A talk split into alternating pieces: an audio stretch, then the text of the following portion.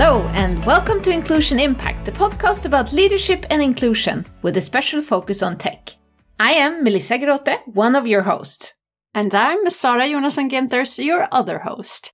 In this podcast, we talk to leaders in tech and explore what actions and behaviors are key in successfully building diverse and inclusive teams and organizations. Our guests are leaders who truly walk the talk. This podcast is produced in Sweden, and we are now very excited about going global with the release of episodes in English with international guests.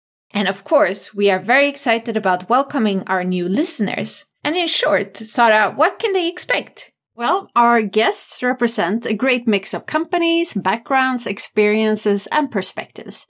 They generously share their insights, ideas, and learnings from their careers and give very concrete advice on how to build more inclusive organizations. We also have episodes where we talk to subject matter experts on various topics like disabilities, racism, LGBTQIA+, and other areas that are important for leaders to understand. So far, it's been a great ride.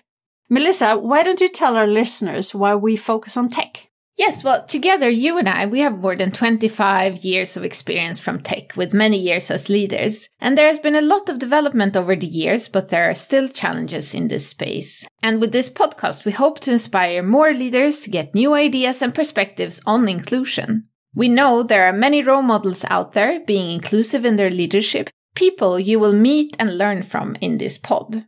Sara, apart from all our amazing guests, it's also you and me. What should the listeners know about you? Well, on a sunny spring day, you called me up and you said we were going to start a podcast together. And obviously I said yes. Based on my long career in tech and now running my own company as a speaker and consultant on diversity and inclusion, I'm passionate about increasing the pace of change in this space. And our focus on the how in this podcast is a key driver for me. I think it's pretty cool if we can inspire more leaders and give them the knowledge and tools to become more inclusive. But how did you come up with that idea in the first place, Melissa? Just like you, I have a long career in tech, and now I'm running my own company as a leadership trainer, speaker, and consultant, where self leadership and inclusive leadership are two areas I'm very passionate about. I love to learn from others, and I thought of how I could contribute to sharing others' experiences and in doing so make inclusion more practical.